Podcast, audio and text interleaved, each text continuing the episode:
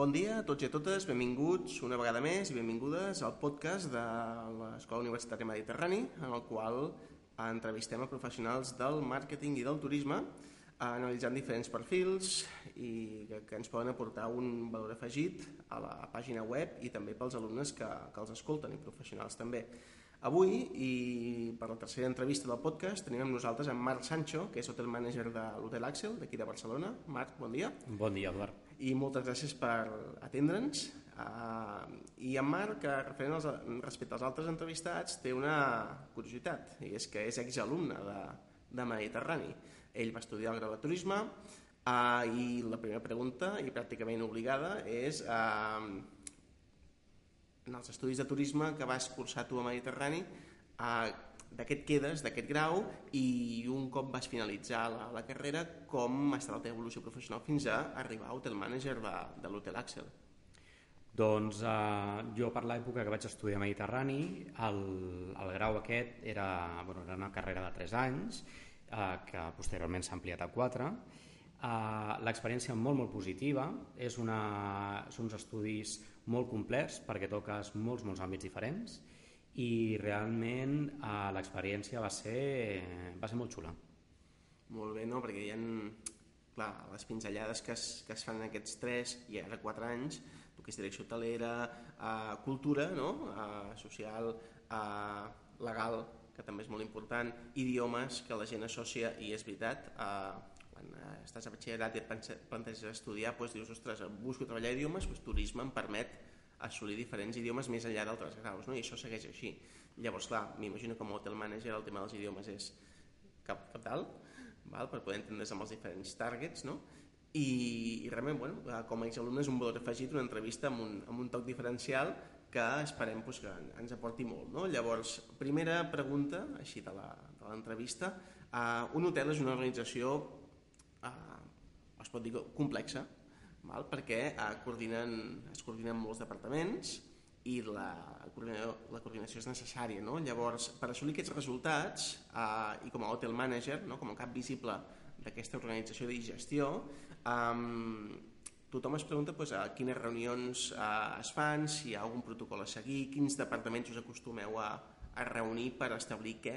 No? Llavors, si ens pots il·lustrar una mica? Evidentment, la, la coordinació dins d'aquest tipus d'establiments és primordial i depenent de la tipologia d'hotel, ja parlem de, depèn de la categoria, depèn de la talla, depèn dels serveis que tingui, eh, això marcarà el tipus de coordinació i organització que anirà, eh, hi haurà de forma interna dins de l'establiment.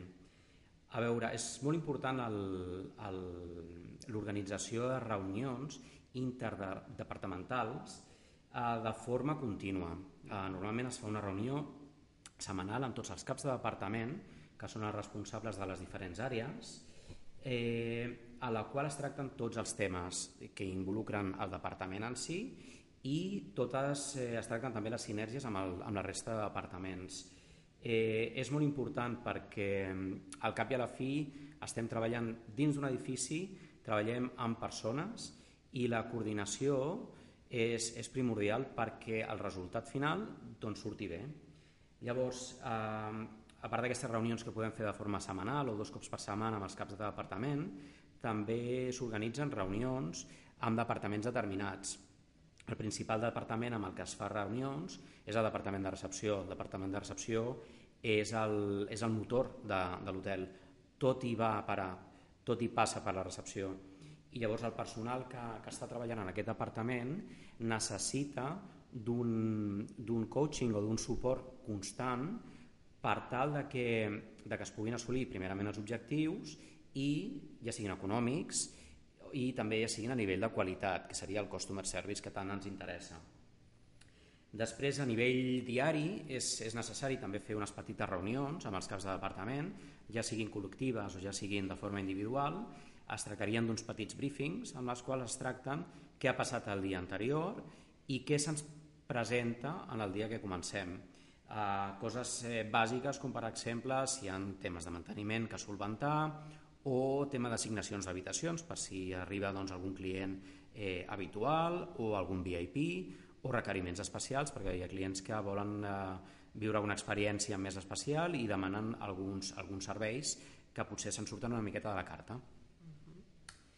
Um, és, és, és molt important analitzar el que, el que se'ns presenta el dia a dia i, i per això aquestes reunions són, són tan importants. Perfecte. Uh, I de fet, clar, mm, tots aquests perfils, clar, més que hi ha el tema de comunicació, com es promociona l'hotel, uh, quin servei d'atenció postventa, no? que també és molt important, el tema de cap, no només captar, sinó fidelitzar-lo dins i fora de l'hotel, no? Uh, perquè aquest, uh, aquest client o aquests clients puguin esdevenir la, la part evangelitzadora no, que es diu, uh -huh. que és el més important.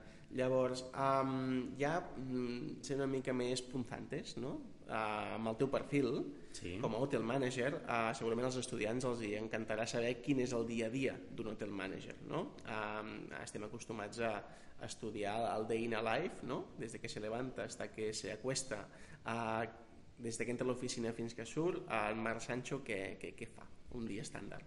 Pensa, el, pensa que el director de l'hotel és el responsable de la planificació, dels resultats econòmics i qualitatius i l'organització d'un hotel. Uh, realment, el que t'he comentat abans de, de, de què va ser la carrera de turisme, eh, et deia que es tocaven moltes tecles i això és realment el que fem els directors d'hotel. Eh, ho toquem tot. Ho toquem tot perquè el director d'hotel s'ha d'assegurar que tot funciona correctament perquè els clients disfrutin de les seves estades. I això implica molts, molts temes diferents. Uh, podem estar parlant de la gestió de ventes, doncs tota la part de revenue, dels ingressos, uh, que, que es basen en, respecte a uns històrics i a uns pressupostos. Després hi ha el tema de la, del control i la gestió de costos i despeses. Aquí tenim doncs, la millor, les millores dels resultats, de despeses del, de l'any anterior, eh, tractar amb proveïdors, eh, negociació de preus, buscant alternatives. Després hi ha una altra part important que és de les més importants, que és la gestió de personal. No és un tema fàcil. Eh, la gestió de persones és, és un dels temes amb els que estem més enfocats ara mateix perquè el, el que ens interessa és crear, eh, formar professionals que puguin créixer dins de l'empresa i llavors el tema de selecció, a buscar els, els millors perfils per a cada posició que tenim disponible. Això és un, de les, un dels punts que ens pren més temps.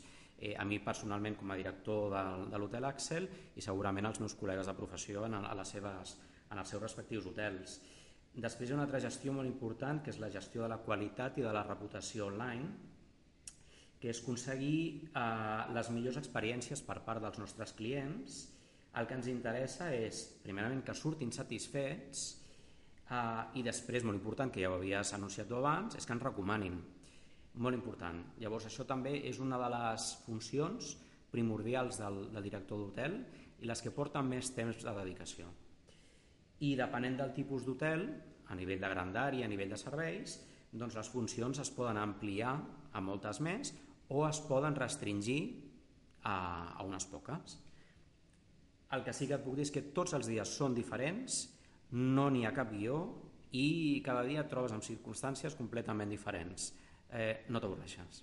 Doncs això és una clau positiva eh, i això els alumnes ho han de, ho han de saber. No? Sí que hi ha molt, molts, moltes segles a tocar, com dius, però la dinamització d'un dia, del dia a dia, això és molt positiu per un treball. No? Llavors eh, vull remarcar, i perquè m'ha despertat la curiositat, el tema de la selecció de personal.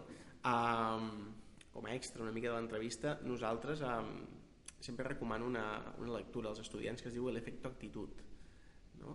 Uh, I és que els hotels poden ser molt iguals, les marques, no? però en el vostre sector seria l'hotel, en qüestió com a, com a marca, uh, podeu oferir els mateixos serveis, podeu oferir uh, serveis completament idèntics, val? a uns preus fins i tot semblants, molt equilibrats, però és l'actitud el que no es pot copiar. No? Llavors això ho transmeten molt els treballadors, en aquest cas de turisme i de màrqueting, i intentem influir-los molt en aquest aspecte. No?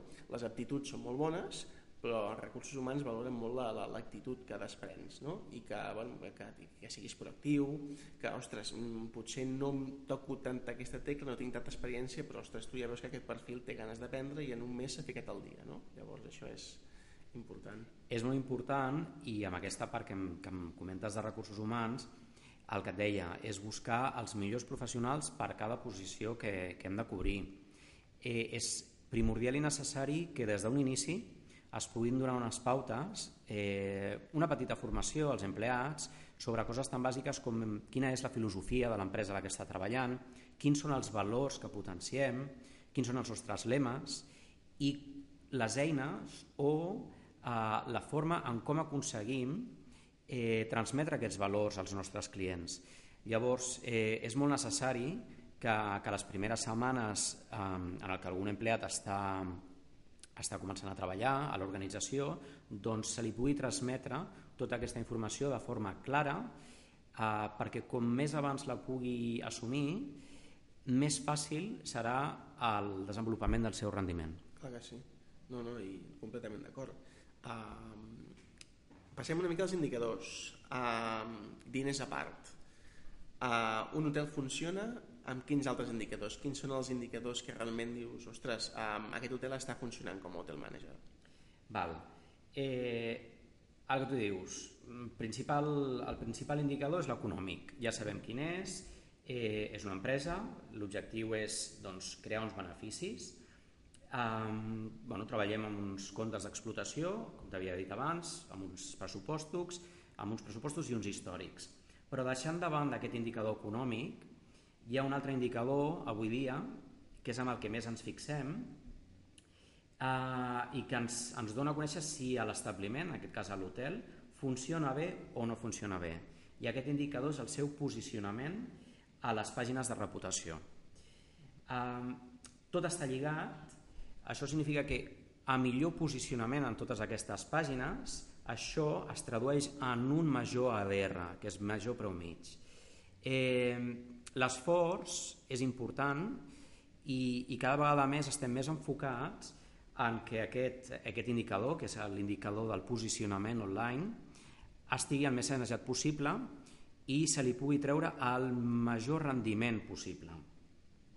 La reputació online és primordial eh, en l'èxit dels, dels, uh, dels hotels, en aquest cas. Uh, com saps, tot es pot comentar i tot es pot veure amb un comentari o amb una sola foto, tot es penja a internet.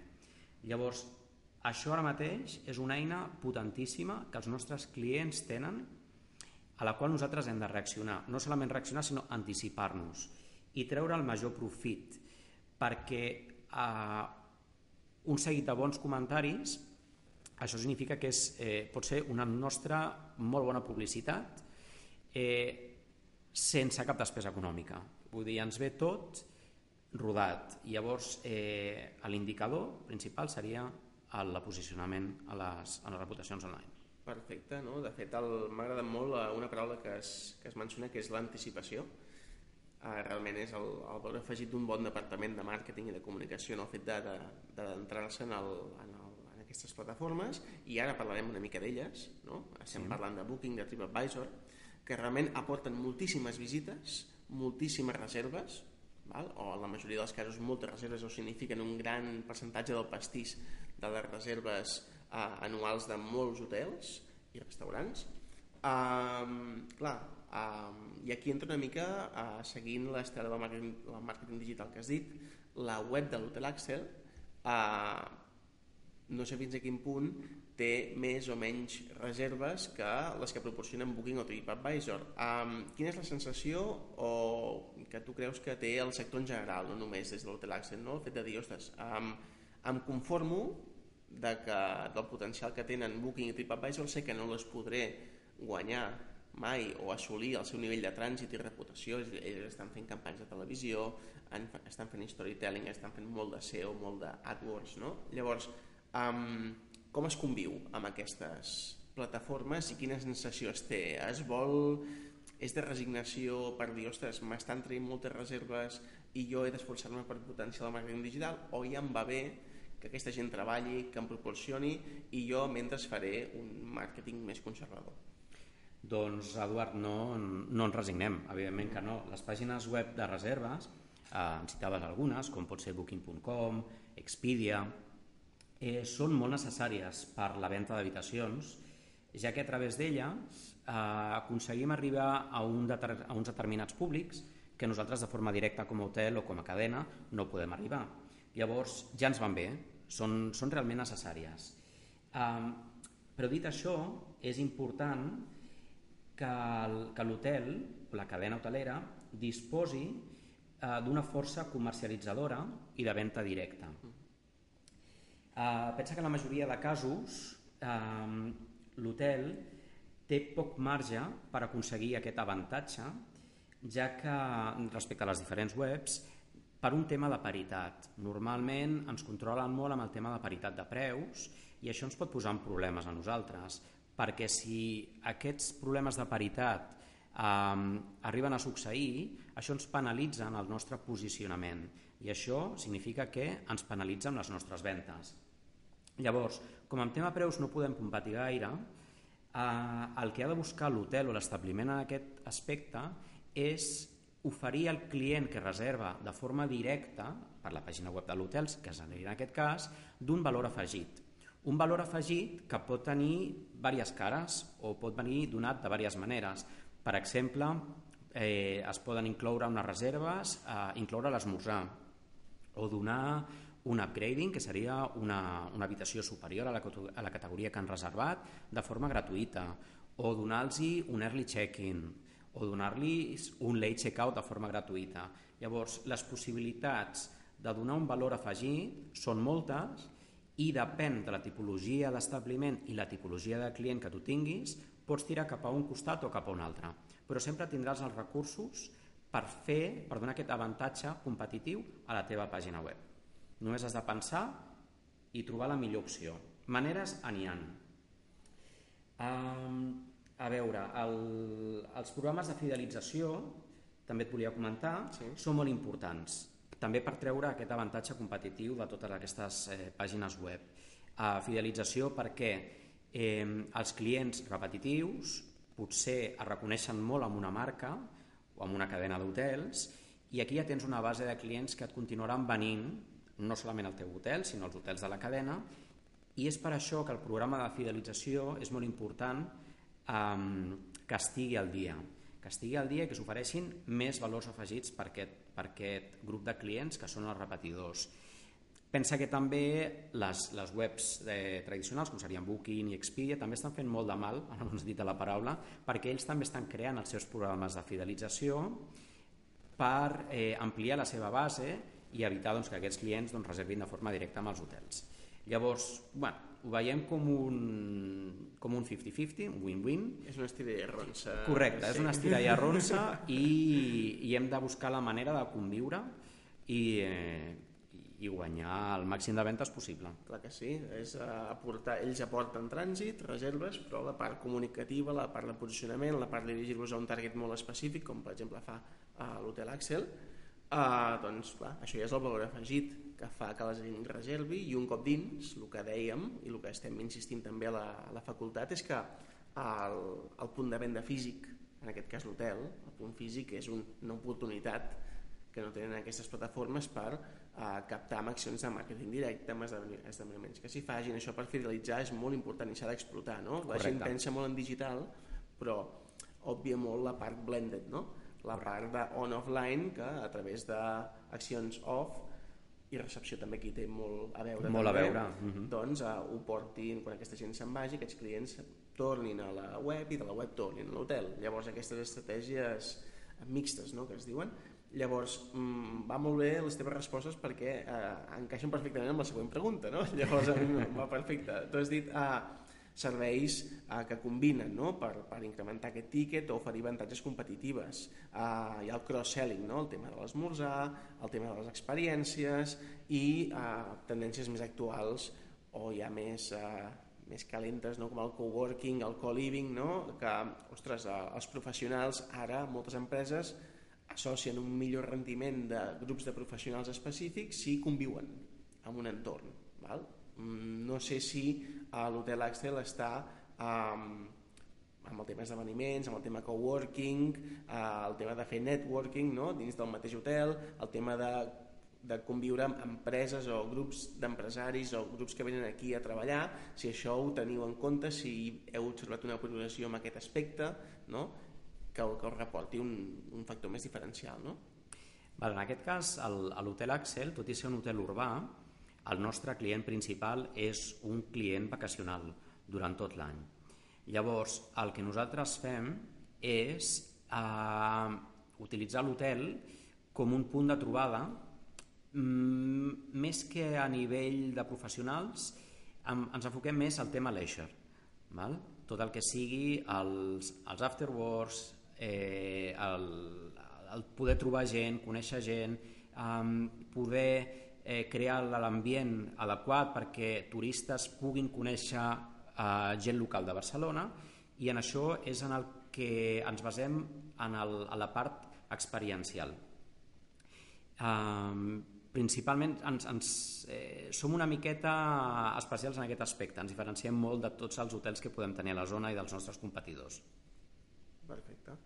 Um, L'entrevista ja fa baixada i queden dues preguntes. Uh, la penúltima és uh, una curiositat ja pròpia, personal, perquè realment uh, observo, i t'ho comentava abans de començar l'entrevista, no? que uh, jo observo que hotels de, de més o menys categoria, uh, a partir d'una certa categoria, uh, ja inclouen dins, dins de la seva estructura un restaurant val? Uh, i observo diferents tipus d'estils?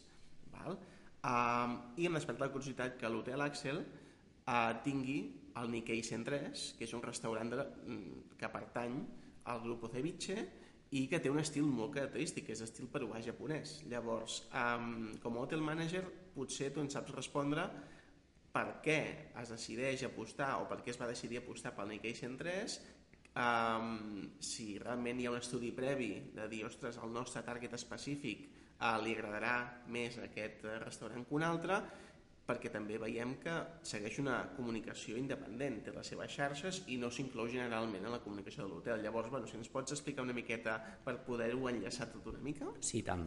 Mira, nosaltres a nivell de restauració hem optat per l'opció de l'externalització. Nosaltres tenim un espai dins de l'hotel, a nivell de carrer, eh, que és un gran potencial de venda. Llavors, eh, sempre que s'agafa algun restaurador, el que s'intenta fer és eh, principalment assegurar-nos que l'oferta gastronòmica que aquest restaurador ens portarà es podrà adaptar de forma fàcil, diguem-ne, a la tipologia de client i a la tipologia d'hotel. Llavors, eh, es va apostar pel grup Ceviche perquè estaven apostant per una gastronomia diferent i una gastronomia de qualitat. Llavors, pensa que, que, el, que, el, que el Nikkei, que és el restaurant de l'hotel, ens dona cobertura a totes les línies de, factures, de facturació de restauració que tenim a l'hotel, ja sigui a l'esmorzar, que és un bufet d'esmorzars, també ens porta tot el tema de room service i també ens porta tot el tema de snacks i aperitius. Eh, què et vull dir amb això? Ells, ells tenen una, una cuina, que és una fusió peruana-japonesa, de qualitat, però al mateix temps s'han hagut d'adaptar a, a què volia el nostre client intern. Llavors, el nostre client intern, principalment, demanda un bufet d'esmorzars de qualitat. I en aquest aspecte l'IKEA ho ha sapigut fer molt bé, ens estan aportant una molt bona presentació amb un molt bon producte. I llavors tenim un, un gran bufet d'esmorzars. A nivell de carta de room service, que és el que demana un, un client eh, que s'hospeda aquí quan, quan té milers de restaurants a Barcelona de qualsevol tipologia i amb qualsevol preu. Doncs una carta molt, molt no gaire elaborada, però eh, que pugui arribar a, tot, a tots els gustos dels clients. Seria una, una cuina més internacional. I després, doncs, a, a la resta de coses, el que, el que t'estava dient, de snacks, eh, room service, aperitius, tot això també està molt adaptat a, al client que nosaltres tenim. Llavors, Eh, vam veure amb ells un gran potencial perquè, repeteixo, una cuina i una gastronomia de qualitat s'han adaptat molt bé a la nostra filosofia i fem un molt bon tàndem. Eh, amb això creem un, un distintiu conforme als nostres competidors. Una cuina, sí, és molt peculiar, però tens, tens moltes ofertes, vull dir, tens, eh, tens el menú de migdia, tens un menú de la carta i que varia de forma quasi diària, amb la qual doncs, eh, tot i que puguis pensar que pot ser un restaurant monòton a nivell d'oferta, no ho és. Perfecte. No, I el que comentes a nivell de, de, de, de l'exterior, del potencial que té, també teniu l'entrada vista a l'espa, que això també és un valor afegit també no només pels clients de l'hotel, m'imagino, sinó també per la gent que... Sí, pensa que nosaltres tenim un dels millors espais urbans de Barcelona. Uh, llavors, eh, això és un altre potencial a nivell, a nivell de venda. Tornem una altra vegada amb, un, amb, una, amb una fórmula d'externalització, però que funciona molt bé. Llavors són instal·lacions de qualitat i l'espai doncs, eh, és, és un dels espais millor valorats pels nostres clients. Uh, I arribem a l'última pregunta, i aquesta, com venim fent amb els altres entrevistats, amb els darrers entrevistats, és, clar, els alumnes, uh, sobretot pels de tercer i quart, que molts ja, ja estan de ple a les pràctiques, que per cert, ha quedat una pregunta penjada la primera, de, a la primera pregunta, que és um, si tu vas a aterrar a l'hotel Axel uh, ja en el període de pràctiques o vas fer carrera en altres hotels abans de ser hotel manager aquí? No, jo vaig fer carrera en altres hotels, Um, sempre em vaig eh, orientar més cap, a, cap al front office, cap a la recepció i, i vaig passar per diversos hotels perquè cada hotel és molt diferent i les experiències són molt enriquidores. Llavors, eh, jo recomano als alumnes que si tenen l'opció de fer pràctiques en diverses empreses, les puguin fer, perquè així el, el background que, que aconseguiran és, és molt més ampli. Eh, el, el que et dic, Eduard, és, és que és important a tenir ganes de fer coses i el més important de tot és que t'agradi el que estàs fent. Amb això pots arribar on vulguis. I els alumnes, això potser el, el primer i segon any no, no ho tenen molt clar, però, però de cara al tercer i quart jo crec que ja surten ben encaminats. Eh, I l'oferta de pràctiques em sembla que és suficientment àmplia com perquè puguin, puguin decidir cap on tirar. Um, de fet, Eh, un cas interessant és que potser el, algun alumne, en el cas dels hotels, eh, que és l'ambient on estic treballant jo, un alumne pugui començar a fer unes pràctiques en un departament de recepció i que pensi que potser mm, pugui anar pujant com a recepcionista, com a cap de recepció o com a director d'hotel.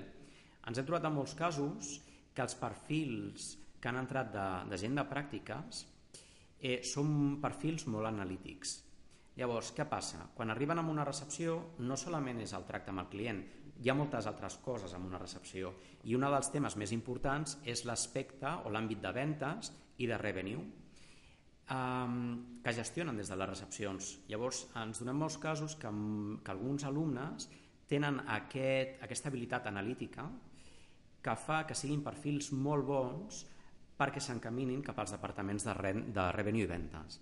Llavors, eh, que es prenguin l'oportunitat com un, no sé, com un laboratori, no?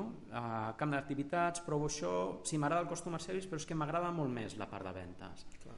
I aquí tens, realment tens dues sortides en una, o més. O no? més, exacte, no? I de fet el, ja els hi diem a la, en, quan a les pràctiques, a la gent la gent es pensa que per les primeres pràctiques ja ha de ser la que, no la definitiva, però sí la que amb, faci veure la llum una mica a nivell professional i no és així. Les, no és així. les pràctiques estan per aprofitar-les, per aprendre, per conèixer gent i per suposat ens podem equivocar amb les pràctiques. Val?